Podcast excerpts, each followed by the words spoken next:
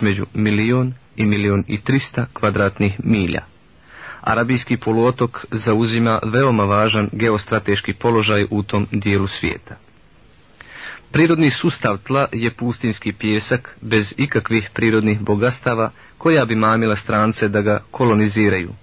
Arabijski poluotok je zbog toga ostao nepokoren i zaštićen sam sobom od najstarijeg doba do danas. Zbog toga su i stanovnici ovog poluotoka ostali uvijek slobodni i nepokoreni i pored toga što su graničili sa najvećim imperijama svijeta, Vizantijom i Perzijom. Zbog ovakvog geografskog položaja Arabije, njen sjever i jug su bili pristaništa drugim narodima. Bili su centri trgovine, kulture, obrazovanja, vjera i umjetnosti. Većina Arapa slijedila je dugo vremena vjeru Ismaila, alaihisselam, koji ih je pozivao u vjeri svoga oca Ibrahima a.s. Oni su vjerovali u Boga, jednog jedinog, i ispovjedali Božju vjeru. To je trajalo jedno izvjesno vrijeme dok nisu počeli zaboravljati Božje opomene i zabrane. I pored sve većeg zapadanja u idolopoklonstvo, uvijek je postojao vrhovni Bog, Allah Đerlešanuhu, kome su se obraćali u teškim situacijama. Neke islamske obrede hađa izvršavali su sve do dolaska na vlast Amra ibn haja poglavara plemena Huzat. On je odrastao u pobožnoj sredini koja je poštivala Božije granice. Odlikovao se iskrenošću i bogobojažnošću, pa ga narod zavoli. Smatrali su ga velikim čovjekom. On otputova u Šam da posjeti područje iz koga je bilo najviše poslanika i na koje je došlo najviše Božjih objava. Tamo vidje da stanovnici obožavaju kipove, pa mu se to dopade i povjerova da su oni u pravu. Iz Šama se vrati noseći sa sobom kip zvani Hubel, pa ga postavi u Kabu. Zatim pozva stanovništvo Mekke u mnogoboštvo. Oni se listom odazvaše, pošto su cijenili Amr ibn Lohaja, pa su smatrali da je i to čemu ih poziva dobro. Za kratko vrijeme stanovnici cijelog Hidžaza počeše slijediti stanovnike Mekke. Oni su vlasnici Kabe i stanovnici Harema. Među najstarije kipove u Kabi ubrajao se i bog Menat, kojeg su dovukli sa obale Crvenog mora iz nekog mjesta blizu Kudejda. Zatim je poznat Lat, kojeg su donijeli iz Tajfa, i Uzat, kojeg su nabavili u Vadi Nahlu. Ova tri kipa su bila i najveća. Širk ili mnogoboštvo je iz dana u dan uzimalo sve više i više maha, Broj kipova se stalno povećavao. Bilo ih je na svakom mjestu Hidžaza. Spominje se da je Amr ibn Luhaja imao vezu sa džinnima, pa ga je jedan od džinna obavijestio da su kipovi iz perioda Nuhovog alaihisselam naroda, a koji su se zvali Ved, Suvaa, Jegus, Jeuk i Nesr, zakopani u džiddi, pa ih treba pronaći i donijeti u Kabu. On nađe ove kipove u mjestu Tihama na obali Crvenog mora, sjeverno od Hidžaza i donese ih u Kabu. Kada dođe vrijeme hodočašća, on ih prikaza hodočasnicima, a potom ih opet smjesti u Kabu. Od tog vremena svako pleme je imalo svog boga kipa, pa čak i svaka kuća zasebno. Harem Kabe ispuni se kipovima. Evidentno je da je u vrijeme oslobađanja Mekke Resulullah a.s. zatekao 360 kipova. On ih je poobarao i porazbijao, a zatim je naredio da sve ostatke iznesu iz harema i da ih spale. Tako je mnogoboštvo i vjera u kipove postala prava manifestacija cijelog stanovništva predislamske Arabije, koje je neprestano mislilo da još uvijek slijede vjeru Ibrahima a.s. Arape predislamskog doba zvali su El Džahilijun, neznalice u vjeri. Oni su imali posebne običaje i vjeru, ceremonije u samim molitvama ispred kipa, koje je opet izmislio najviše Amr ibn Lihi. Ono što bi on radio, mnogi su smatrali lijepom novotarijom, kojom će uljepšati u vjeru, koju su već uveliko izopačili. Arapi su vjerovali u loš predznak ili u pesimizam. Oni su u tom vjerovanju išli tako daleko da su prelazak mačke preko puta ili prelijetanje ptice iznad glave smatrali nesrećom. Prilazili bi ptici ili srni te je poplašili, pa ako bi ona pobjegla na desnu stranu, oni bi nastavili sa započetim poslom i smatrali da je u njemu hajr. A ako bi pobjegla na lijevu stranu, oni bi odustali od tog posla vidjevši u tome loš preznak. Ovim vražbinskim običajima mogu se pridodati još neki, na primjer, nošenje zečje šape oko vrata, zatim zaziranje od nekih dana ili mjeseci, od nekih životinja, kuća, žena, vjerovanje u neprijatelja ili poglavara. Također su vjerovali da se tijelo ubijenog neće smiriti dok se ne podmiri krvna osveta i da će njegova duša lebdjeti slobodno i da će govoriti vratite me u tijelo ili napijte me pa ako se izvrši osveta ili uzme krvarina, ona će ući u tijelo i smirit će se. Eto, tako su vjerovali Arapi predislamskog doba, iako su imali i ostataka Ibrahimove a.s. vjere, koju nisu u potpunosti napustili, kao veličanje kabe, obilaženje ili tavaf oko kabe, obavljanje hadža, umre, stajanje na arefatu, muzdelifi i klanje kurbana. Također su u to sve unosili bidate, novotarije. Kurejšije su govorile, mi smo sinovi Ibrahima i nasljednici Kabe, mi smo njeni vlasnici i stanovnici Mekke. Niko od Arapa ne ima takva prava i takav položaj. Sebe su znali nazivati Ahmes, a to je zajednički naziv pripadnika plemena Kurejš, Kinana i Džedil. Mi ne smijemo napuštati harem i skinuti hrame. Oni nisu stajali na arefatu, niti su ifadu činili sa arefata, nego su to činili sa Muzdelife, a fada je grupni povratak sa Arefata. Jevrijska vjera je stigla i u Jemen preko Esada Ebi Hureba, koji je kao borac išao u Jesrib i tamo primio jevrejstvo. On je sa sobom poveo dvojicu rabina iz plemena Benu u Jemen. Jevrijska vjera se brzo širila u Jemenu, tako da je dolaskom na vlast Esadovog sina Jusufa u Jemenu, Zunuvas, udario na kršćane Neđana i pozvao ih da prime jevrejstvo. Kad oni odbiše, on ih pobaca u iskopane jame i zapali ih. U vatri su gorili bez razlike i muško i žensko, i staro i mlado. Navodi se da je broj žrtava bio između 20 i 40 hiljada. Taj događaj se desio oktobra 523. godine prije nove ere, a Kur'an navodi dio ove priče u poglavlju El Buruđa. Kršćanska vjera je došla u Arabiju putem vizantijske i abesinske okupacije. Prva abesinska okupacija Jemena bila je 340. godine nove ere i trajala je do 378. godine. U tom periodu u Jemenu je počelo propovjedanje evanđelja u svim pokrajinama. Tada je u Neđran došao i neki veliki pobožnjak zvani Fimijan, pa je i Neđrance pozvao u kršćansku vjeru. Zbog njegove pobožnosti svijet mu povjerova, a kad njihov vođa malbu primi tu vjeru, primi je i ostalo stanovništvo. Islam je zatekao sve ove religije i sva ova vjerovanja kod Arapa, ali ne u njihovom usponu, već u slabljenju i stagniranju. Idolopoklonici, koji su se izdavali da slijede vjeru Ibrahima, a.s. bili su daleko od naredbi i zabrane Ibrahimovog, a.s. šerijata, daleko od plemenitog Ibrahimovog alihiselam čudoreda, ahlaka. Duboko su gazili u zabludama i grijesima, pa se vremenom razvijelo kod njih idolopoklonstvo ili mnogoboštvo sa svim pratećim njegovim običajima. Sve je to ostavilo duboke tragove na društvenu, političku i vjersku svijest tog naroda. Jevrejstvo se pretvorilo u dvoličnost i diktaturu. Jevrejski poglavari su postali vrhovni gospod Bog svojoj naciji, oni su sudili ljudima i diktirali njihovom sudbinom. Ljudi su pred njima polagali račun za privatne greške, pa čak i za riječi izgovorene šapatom. Sva njihova briga bila je vlast i blago. Prava vjera je slabila, širilo se nevjerstvo, jeres i ravnodušnost prema učenju, na što Allah postiče i naređuje svakom da ga poštuje. Kršćanstvo je vjera koja je počela pritiskati razum, ono je čudna mješavina Boga i čovjeka.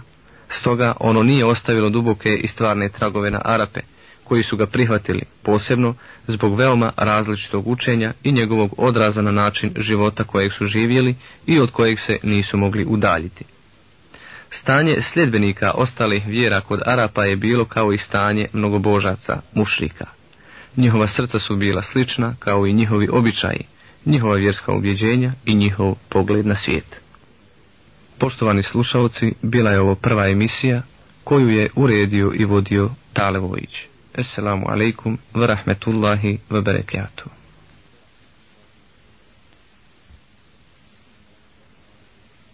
بسم الله الرحمن الرحيم لقد جاءكم رسول من أن أنفسكم عزيز عليه ما عنتم حريص عليكم بالمؤمنين رؤوف رحيم فإن تولوا فقل حسبي الله لا إله إلا هو عليه توكلت وهو رب العرش العظيم Sadakallahu l'azim U ime Allaha milostivog samilosnog.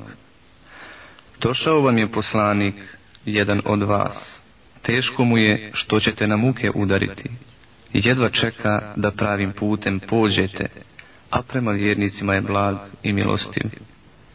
A ako oni glave okrenu, ti reci, meni je dovoljan Allah, nema Boga osim njega, samo se uzdam u njega, on je gospodar svemira veličanstvenoga. Istinu je rekao uzvišeni Allah. Čitamo biografiju Muhammeda a.s. iz knjige Ar-Rahikul Mahtum, zapečaćeni džennetski napitak. Bismillahirrahmanirrahim.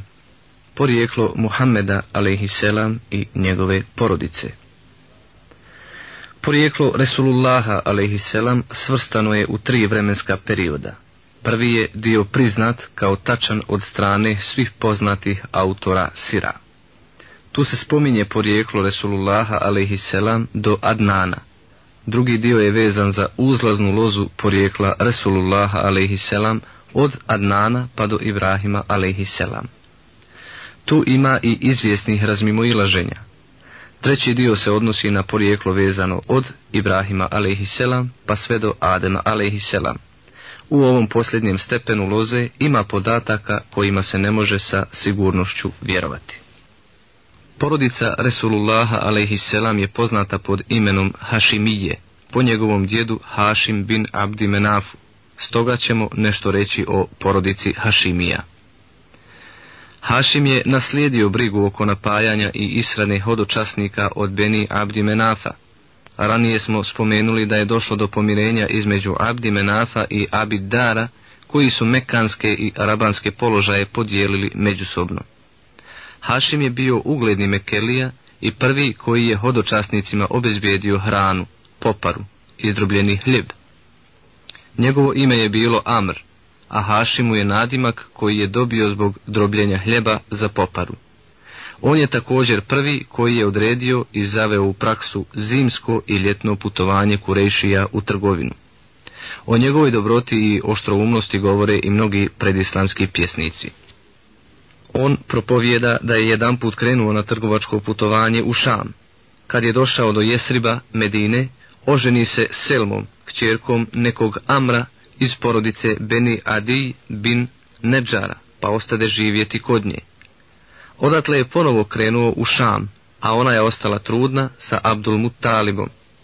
Hašim umrije u Gazi, gradu u Palestini, a Selma rodi Abdul Taliba 497. godine.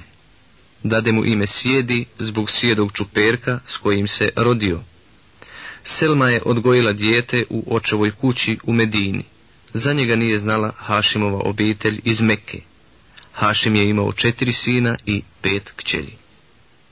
Sinovi su mu Esad, Ebu Saifi, Nadlet i Abdul Talib, a kćerke su Ešifa, Halida, Daifa, Rukaja i Dženneta. Govorili smo da je opskrba Hadžija vodom i hranom sa Hašima prešla na njegovog brata El Taliba bin Abdimenafa, bio je od velikog ugleda, časti i vrijednosti u svom plemenu. Kurejšije su ga prozvali El Fejad, što znači darežljivi. Kad je postao Šejbe, kasnije Abdul mutalib momak ili još stariji, saznao je za njega Amidža El Talib bin Abdi Menaf i ode u Jesrib da ga traži. Kada ga je našao i vidio, zaplakao je, zagrlio ga i posadio ga na svoju devu. Momak je sišao i nije htio krenuti dok mu ne dozvoli majka. Elmut Talib je upita, a ona odbi da da sina Amidži. Elmut Talib joj reče, on bi išao na imanje svoga oca u Božji hram, pa mu majka dozvoli da krene. Elmut Talib je ušao u Meku na devi, a za njegovim leđima je jahao momak. Ljudi su upirali prstom u mladića i govorili, ovo je rob Abdmu Talibov, El mu talib im odgovori, srama vas bilo, ovo je sin moga brata Hašima. Momak je živio kod Amidže dok se nije uozbiljio. Negdje u to vrijeme El Talib umrije u Redmanu, jednom mjestu u Jemenu. Sve njegove poslove naslijedi Abdul Talib Sva rodbina i svi pripadnici plemena zavoliše ga zbog njegove plemenitosti, časti, pravednosti i sposobnosti u poslovima on svome plemenu priušti svu slavu koju su imali i do tada. Poslije Elmu Talibove smrti u Jemenu, Neufeli je silom uzurpirao Abdulmu Talibovo dvorište. On se obrati Kurejšijama da mu pomognu, a oni odgovoriše. Ne želimo ulaziti između tebe i Neufela, jer on je tvoj amidža. Abdulmu Talib zato pozvao u pomoć Dajđe iz Jesriba, Medine. U Meku krenu Dajđamu, Ebu Sa'ad bin Adi sa 80 konjanika. Na ulazu u Meku dočeka ga Abdul Talib i reče Idemo kući da iđa. Ne, tako mi Boga, dok se ne s Neufelom. Zatim krenu kući Neufela. Međutim, on je sjedio uz kabu sa nekim dostojanstvenicima Kurejšijama. Ebu Sa'ad isuka sablju i povika. Gospodara mi i kabe, ako ne povratiš zemlju Abdulmu Talibu, ubiću te ovom sabljom. Neufel odgovori, evo, već sam mu vratio njegova je, što potvrdiše i prisutni. Ebu Sead odsjedi kod Abdulmu Taliba tri noći, zatim obavi umru i vrati se u Medinu. Nakon ovog događaja Neufel ibn Abdi Šems ibn Abdi Menaf sklopi savez sa Benu Hašimijema, kada je pleme Huzat vidjelo pomoć koju je dobio Abdul Talib od Dajđe Ebu Saada iz plemena Enneđar, rekoše Kako god ste ga vi rodili i mi smo ga rodili, jer je Abdul Mutalibova majka iz plemena Huzat. Mi smo preči da mu pomognemo nego vi. Stoga i oni krenuše u Meku i uđuše u vijećnicu, pa sklopiše savez sa Beni Hašimijama, a zatim sa Beni Abdi Šemsom, Neufelovim plemenom. Ovako učvršćena veza između plemena iz Medine i plemena iz Meke bit će jedan od bitnih faktora za oslobađanje Meke, što ćemo kasnije saznati. Važno je spomenuti dva značajna posla koja je Abdul Mutalib uradio za Kabu i to kopanje zemzem bunara i odbrana Kabe u bici sa slonom. Abdul Talibu je usnu naređeno da iskopa bunar zemzem i pokazano mu je mjesto gdje da kopa. Kada je počeo kopati, naišao je na predmete koje su zakopali džerahime kada su bježali iz Mekke. Našao je sablje, nakit i dva zlatna srndaća. Sabljama ukrasi vrata kabe, na njih prikova zlatne srndaće i sazida bunar i prostor oko bunara za hađije. Kada se ukazao bunar zemzem, kurešuje se posvađaše sa Abdulmu Talibom govoreći mu, hoćemo da učestvujemo s tobom, a on odgovori, ne, ja sam odabran za ovaj posao. Oni ga nisu ostavili na miru, sve dok ga ne izvedoše na sud pred vraća iz Benisada. Nisu se kući ni vratili, a na putu naiđoše na znakove koji im pokazaše da je Abdul Talib u pravu. Tada se Abdul Talib zavjetovao da će. Ako mu Bog podari deset sinova, a on doživi da porastu i da ga pomognu, žrtvovati jednog kod Kabe. Namjesnik abesinskog vladara u Jemenu, Ebreha, pošto vidi da Arapi hodočaste Kabu, sagradi veliku crkvu u Sanaji. Želio je da hodočasnike skrene u Sanovu, umjesto u Meku. Kada je za ovaj događaj čuo neki čovjek iz plemena Kenanet, uđe noću u tu crkvu i izmetom zaprlja njeno pročelje. Sazna Ebreha zato, žestoko se naljuti, podiže ogromnu vojsku od 60.000 ljudi i krenu put meke da sruši Kabu. Za sebe odabra najvećeg slona, koga uzjaha i krenu ka Meki.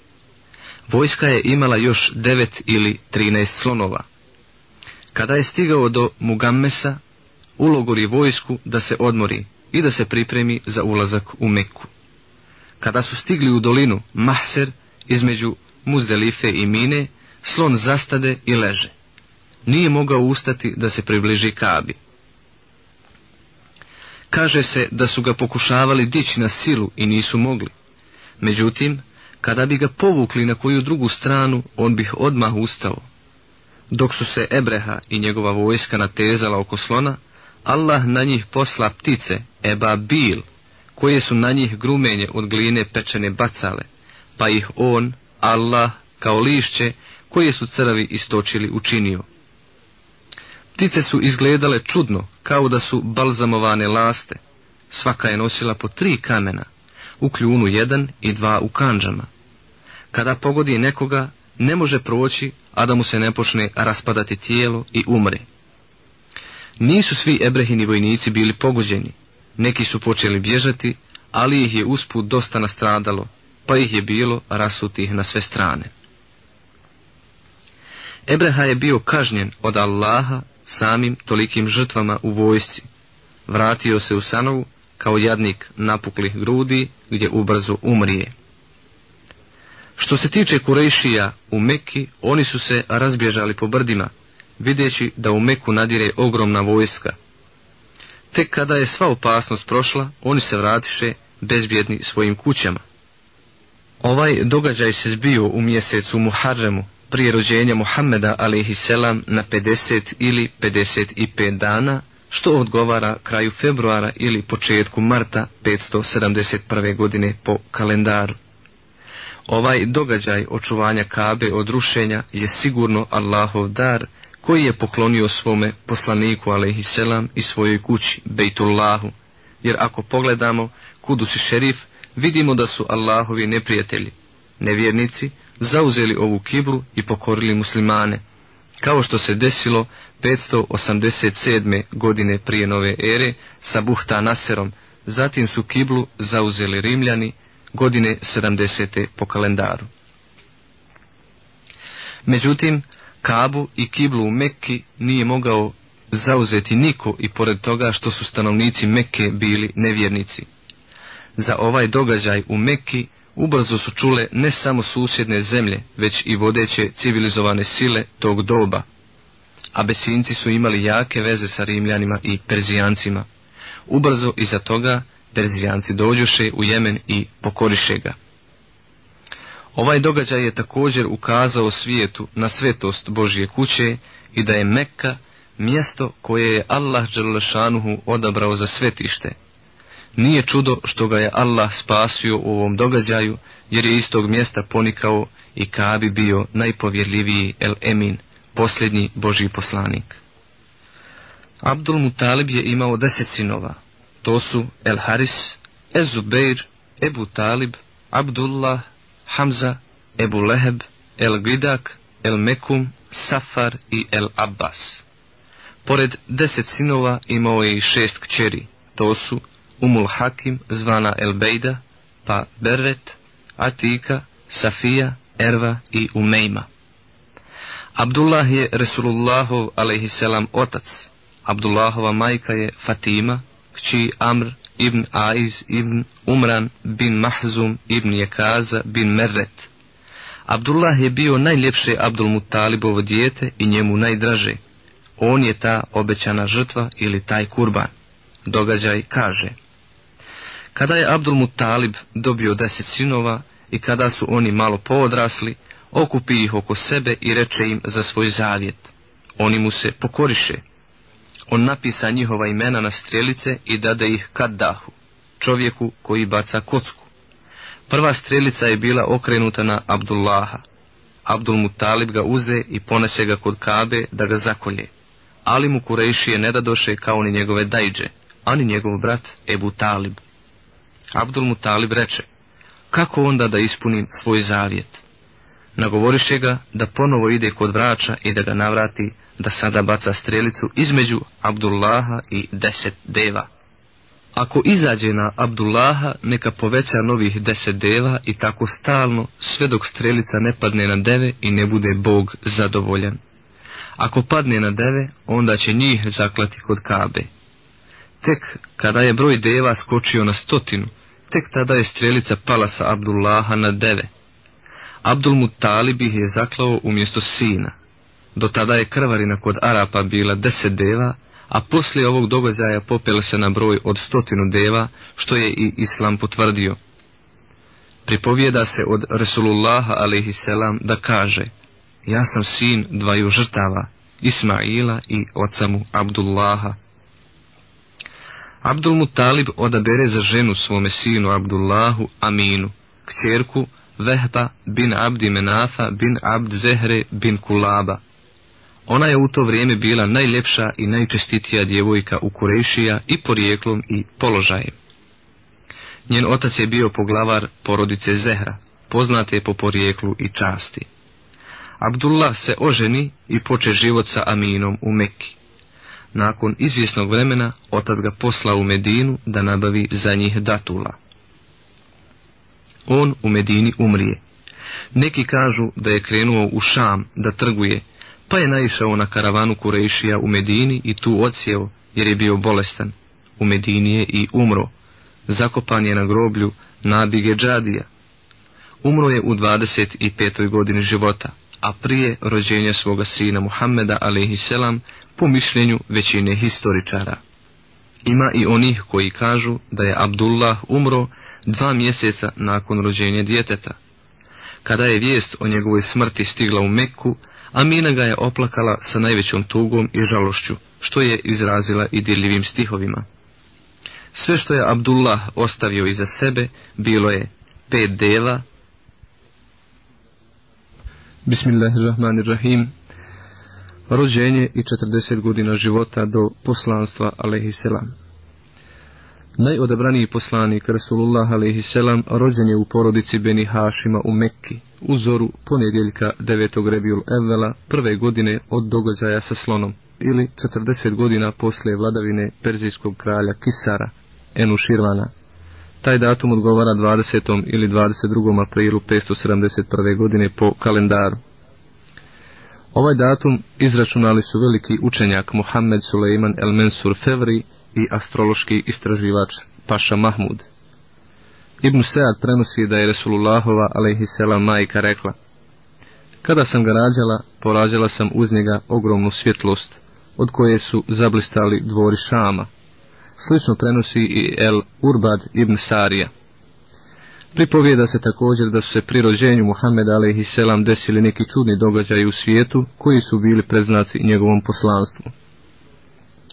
Srušilo se 14 tornjeva sa Kserkskovog dvorca u Perziji.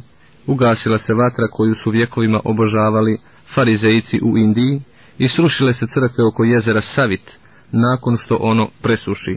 Ovo prenosi Bejhekija, a s njim se ne usuglašava Muhammed El Gazali.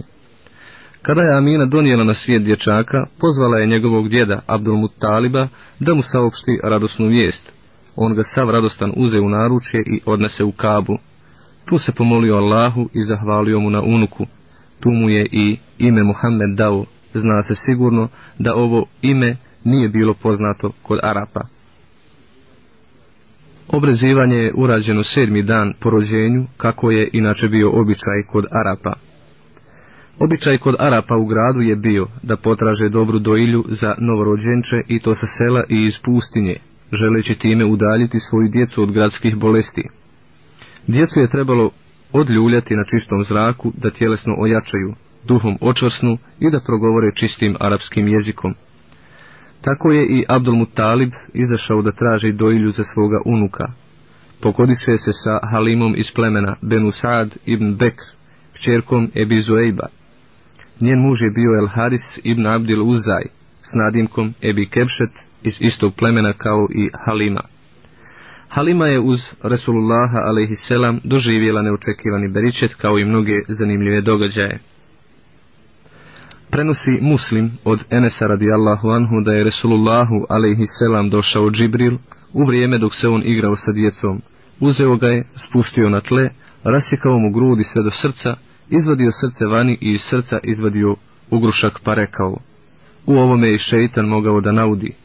Zatim mu ispravo srce u zlatnom leđenu, u kome je bila voda zemzem, zatim ga zašio i ponovo ga vratio na njegovo mjesto. Dječaci su trčeći došli njegovoj pomajici vičući, Mohamed je ubijen. Kada ga ugledaše, imao je drugačiju boju lica. Nakon ovog čudnovatog događaja Halima se uplaši za Mohameda, pa odluči da ga vrati njegovoj majci. Kod majke je proveo vrijeme sve do napunjene šeste godine. Amina je smatrala potrebnim da zbog sina i zbog sebe treba da ode u obilazak muževog groba u Jesribu, Medini. Krenula je sa dječakom na put dug 500 km i sa služavkom Ummu Ejmen i svekrvom Abdulmu Talibom. Na putu su proveli mjesec dana, Amina je mnogo izmršala. Na povratku se razboli. Uporna je bila od početka putovanja, ali ne izdrža do kraja. Amina je umrla u El u mjestu između Mekke i Medigne. Abdul Mutalib se vrati sa Muhammedom, a.s. u Mekku. Sva njegova osjetila milosti, plemenitosti i ljubavi bila su okrenuta unuku, jetimu, kojeg zadesi nova tragedija koja samo zguli krastu staroj, nezarasloj rani prvo otac, a sada i majka. Djed je bio milostiviji prema Muhammedu a.s. nego prema svojoj djeci. Nikada ga nije samog ostavljao. Uvijek je neko bio uz njega. Od osam godina, dva mjeseca i deset dana starosti izgubi Resulullah a.s. svoga djeda. On umrije u Mekki, a želio je prije smrti da brigu o svom unuku a.s. posveti njegovom Amidži Ebu Talibu, rođenom očevom bratu. Kada je Resulullah a.s. napunio 12 godina, po nekima i dva mjeseca i deset dana, povede ga sa sobom Ebu Talib na trgovački put u Šam. U Basri su odsjeli, a Basra je bila jedno od značajnih trgovačkih mjesta. Ona je bila prijestonica za one arapske zemlje koje su bile pod Rimljanima. U ovom gradu je živio svećenik pod nadimkom Dahira, a pravo ime mu je bilo Džerđiz ili Grges. Kada je trgovačka karavana došla u Basru, on izađe da je sretne i pozove ih u goste. Prvi puta ih je vidio, a poznao je Resulullaha Selam po svojstvima ranije objavljenim u svetim knjigama. On uze dječaka za ruku i reče, ovo će biti poslanik cijelom svijetu, njega će Allah poslati kao milost svjetovima. Ebu Talib reče, odakle to znaš? A on odgovori, kada ste usmatrali sa Akabe, ne ostani kamen, ni biljka, ni stablo, a da seždu ne učini. A seždu oni ne čine osim poslaniku, i selam. Ja ga prepoznajem po pečatu poslanstva, biljegu iznad gornje Hrskavičave plečke u obliku jabuke. Ja sam za njega čuo u našim objavama. On zamoli Ebu Taliba da s njim ne ide u šan, već da ga vrati kući. Bojao se da mu jevreji ne nanesu zlo. Ebu Talib vrati Mohamed, alaihi selam, sa svojim momcima u Meku. Rasulullah a.s. nije imao u mladosti određeni posao ili zanimanje. Tradicija bilježi da je bio pastir i da je čuvao ovce u plemenu Benisad, kao i stanovnicima Mekke. U 25. godini života otisnu se u Šam kao trgovac i metkom čuvene trgovkinje iz Mekke Hatidže radijallahu anhu. Ibnu Ishak bilježi.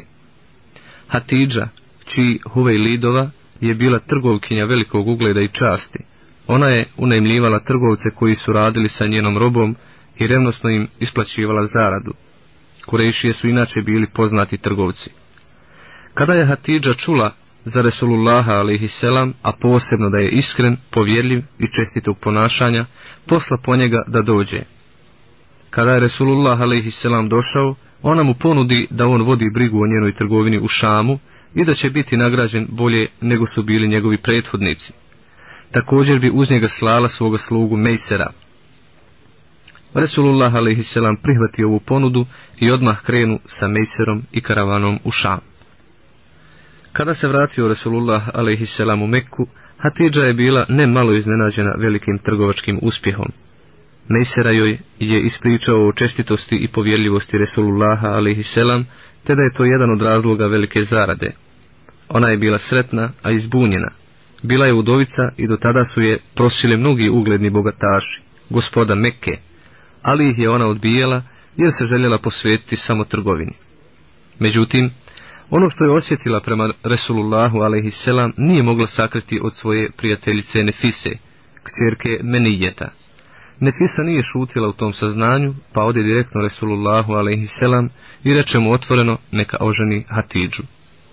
On pristade na to i porazgovara sa svojim Amiđama, a oni odobriše Hatidžinom Amiđi i zaručiše je za njega. Odmah iza toga obavilo se i vjenčanje. Činu vjenčanja pristovali su Benu Hašimije i poglavari Mudara. Hatidža radijallahu anhu je izrodila svu djecu Resulullaha selam osim Ibrahima. Prvo mu je rodila Kasima i po njemu su zvali Resulullaha selam, Ebu Kasim. Zatim je rodila Zajnebu i Rukaju, pa Umu Kulsum i Fatimu, pa opet sina Abdullaha. Abdullaha su zvali dobri i Cisti. Sinovi su pomrli u djetinstvu, a sve čerke su dočekale islam i objavu, te postale muslimanke muhađirke. Muhađirke znači da su sve učinile se obu iz Mekke u Medinu, to jest Hidžu. Međutim, i sve kćerke su pomrle za života oca im Resulullaha alihi selam, osim Fatime radijallahu anhu, koja umrije poslije oca na šest mjeseci. Kada je Resulullah alihi selam imao 35 godina, Kurejši odlučiše da sagrade Kabu, koja je do tada bila jedna kamena gomila na uzvišenom zemljištu, Uzdignuta je bila devet aršina još od vremena Ismaila selam. Nije imala krov, pa su neki lopovi ukrali sanduk sa blagom koji se nalazi unutar te gomile. Zbog svoje tradicije i velike historijske vrijednosti, kao i temelja koje je udario Ibrahim selam, Kabu su stalno posjećivali svi prolaznici kroz Meku. Dešavalo se da su mnogi odnosili sa sobom komadi zemlje ili kamenčić kao simbol svetosti i beričeta. Pet godina prije Resulullahovog alihiselam poslanstva Kabu je splakala poplava nakon pucanja brane Arema. Kurejšije su se uplašile jer je bilo gotovo da se sruši Kaba pa odlučuje da obnove gradnju čuvajući tako njene temelje i njeno prvobitno mjesto. Odlučuje da je grade samo sa pošteno stečenim imetkom, bez primjesa kamate, mita, ukradenog i otetog novca i tako dalje. Oni su se bojali da sruše postojeće ostatke Kabe, pa to otpoče El Velid ibn Mugire El Mahzumi, a drugi su krenuli za njim pošto mu se nije ništa loše dogodilo. Srušili su sve do temelja koje je sagradio Ibrahim a.s. Napravili su Arapiji plan za izgradnju Kabe. Odredili su koliko će koje pleme sakupiti kamena i koji će dio zidova ko sazidati, tako da svi zajedno učestvuju u gradnji. Doveli su graditelja, rimljanina, zvanog Bakum, i gradnja je tekla sve po planu dok nisu došli do visine zida i mjesta gdje je trebalo postaviti crni kamen, Hadžerul Esed. Svako pleme je smatralo sebe privilegovanim da taj častan posao učini neko od njih. Svađa među njima je potrajala četiri do pet dana i prijetilo je izbijanjem krvavog sukoba oko svetog hrama u svetoj zemlji. U svemu tom najtrezveniji je bio Ebu Umeje bin El Mugire El Mahzumi, koji dade prijedlog. Prva osoba koja se pojavi na vratima Harema Kabe neka riješi problem i donese presudu. Allah Đelešanuhu je htio da ta osoba bude Resulullah a.s. Kada ga ugledaše, povikaše El Emin, jer je bio poznat pod tim nadinkom, što u prijevodu znači pouzdan i povjerljiv. Zadovoljni smo da on donese presudu, to je Muhammed. Kada Resulullah a.s. priđe bliže, oni ga obavijestiše o problemu i zatražiše rješenje.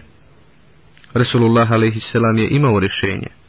On zatraži komad platna, spusti ga na zemlju i na sredinu postavi sveti kamen.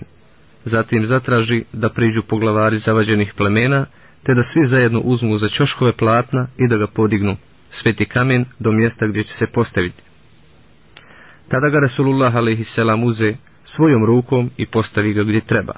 Ovo je bio mudar postupak koji je zadovoljio sve strane. Resulullah a.s. je u svojoj mladosti bio obdaren sa najboljim vrlinama koje posjeduju ljudi. Imao je visoki koeficijent inteligencije što se odražavalo u svakom njegovom pokretu ili poduhvatu. Nije volio mnogo pričati, volio je osamu koju je provodio u časovima razmišljanja i traganja za pravdom i svim onim što je dostupno ljudskom umu da shvati. Razmišljao je o prirodi, njenim ljepotama, prirodnim zakonima, zatim o čovjeku kao jedinki i kao dijelu društva. Zatim je razmišljao o vjeri. Šta je to što vjeruje njegov narod, kome ili čemu se klanja i moli, zašto se bave krivovjerstvom, vražbinama i tako dalje. Ako bi vidio da se negdje radi dobro, pritekao bi u pomoć, a od zla se strogo klonio. Nije pio alkohol, nije jeo meso zaklano na žrtveniku, nije praznovao kumirske blagdane ni svečanosti. Bio je prvi koji je bježao od svakog širka ili mnogoboštva. Nije mogao otrpiti kada bi čuo da se neko kune kumirima, latom i uzatom.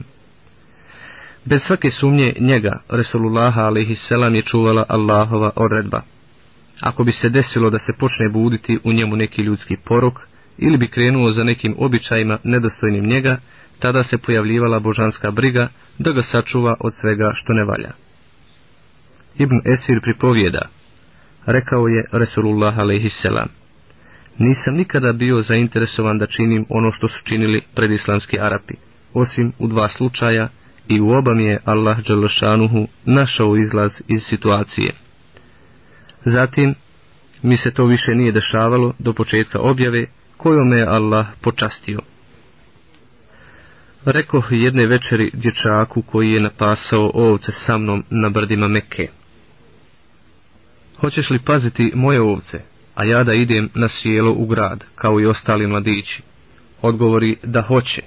Ja krenu i kad ja kod prve kuće u Meki, čuh svirku pa upita, šta je to? A odgovoriše mi, ženi se dvoje mladih. Ja sjedoh da poslušam, a Allah Đalšanuhu mi začepi uši i ja zaspah. Ujutro me probudila vrlina sunca. Ja se vratih dječaku, a on me upita kako je bilo. Ispričah mu, a zatim odluči da i druge noći uradim isto. Kad uđoh na večer u Meku, snađe me isto kao i prethodne noći. Poslije ovog događaja nisam dozvolio da me okupira zlo. Prenosi Buharija od Džabir bin Abdullaha koji kaže, kada je sagrađena Kaba, otišao je Rasulullah a.s. i Abbas da prenose kamenje. Pa Abbas reče Resulullahu, stavi svoju odjeću, izar, donji dio, na vrat da te kamenje ne žulja. Resulullah selam kleknu na zemlju, oči podignu nebesima, pa se podiže i reče, moj izar, moj izar, pa pritegnu odjeću uzase. Resulullah se odlikovao u svom plemenu lijepim jezikom, dobrim ponašanjem, plemenitom naravi, bio je najljepši u plemenu izgledom i najljepšeg ahlaka, morala. Posjedovao je blagost, ljubaznost, govorio je samo istinu. Svako obećanje bi izvršio, a povjereni emanet očuvao. Njegov ga narod prozva El Emin, a za njega kaže majka svih vjernika Hatidža radijallahu anhu, nosi savršenstvo, stiče izgubljeno, gosti gosta i pomaže u nevolji. Bismillahirrahmanirrahim u svjetlu poslanstva i objave. Kada se Rasulullah a.s. približio 40. godini života i kada su njegova zapažanja prošlosti i sadašnjosti rasvijetlila njegov um, jaz između njega i njegovog naroda se u mnogo čemu produbljivao. On tada zavoli samoću. Ponio bi sa sobom hrane i vode i odlazio u pećinu Hira, na brdu Nur, koje je udaljeno od Meke oko dvije milje. To je jedna lijepa pećina, duga četiri aršina, a široka jedan aršin i tri četvrtine. On je provodio mjesec Ramazana u toj pećini. Nahranio bi siromaha ako bi tim putem naišao. Vrijeme je provodio u ibadetu i razmišljanju o svemu što ga okružuje, pa i o kosmosu. Razmišljao je šta se krije iza toga, kakva je to snaga koja pokreće sve to. On je bio siguran da njegov narod pogrešno obožava Allaha, oni žive u zabludi i čine širk, vjeruju u kipove.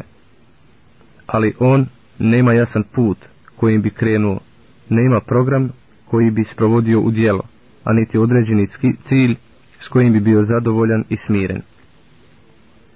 Resulullahov izbor ovog malog tihog mjestašca je bio dio Allahove brige o njemu i Allahovog plana s njim.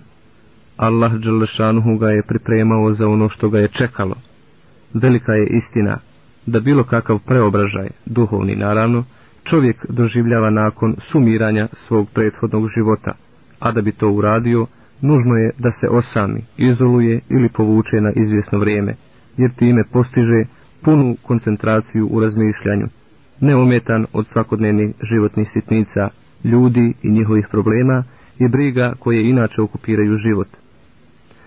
Tako je i Allah Đalešanhu pripremao Muhammeda a.s. u tišini i osani brda Nur, u pećini Hira.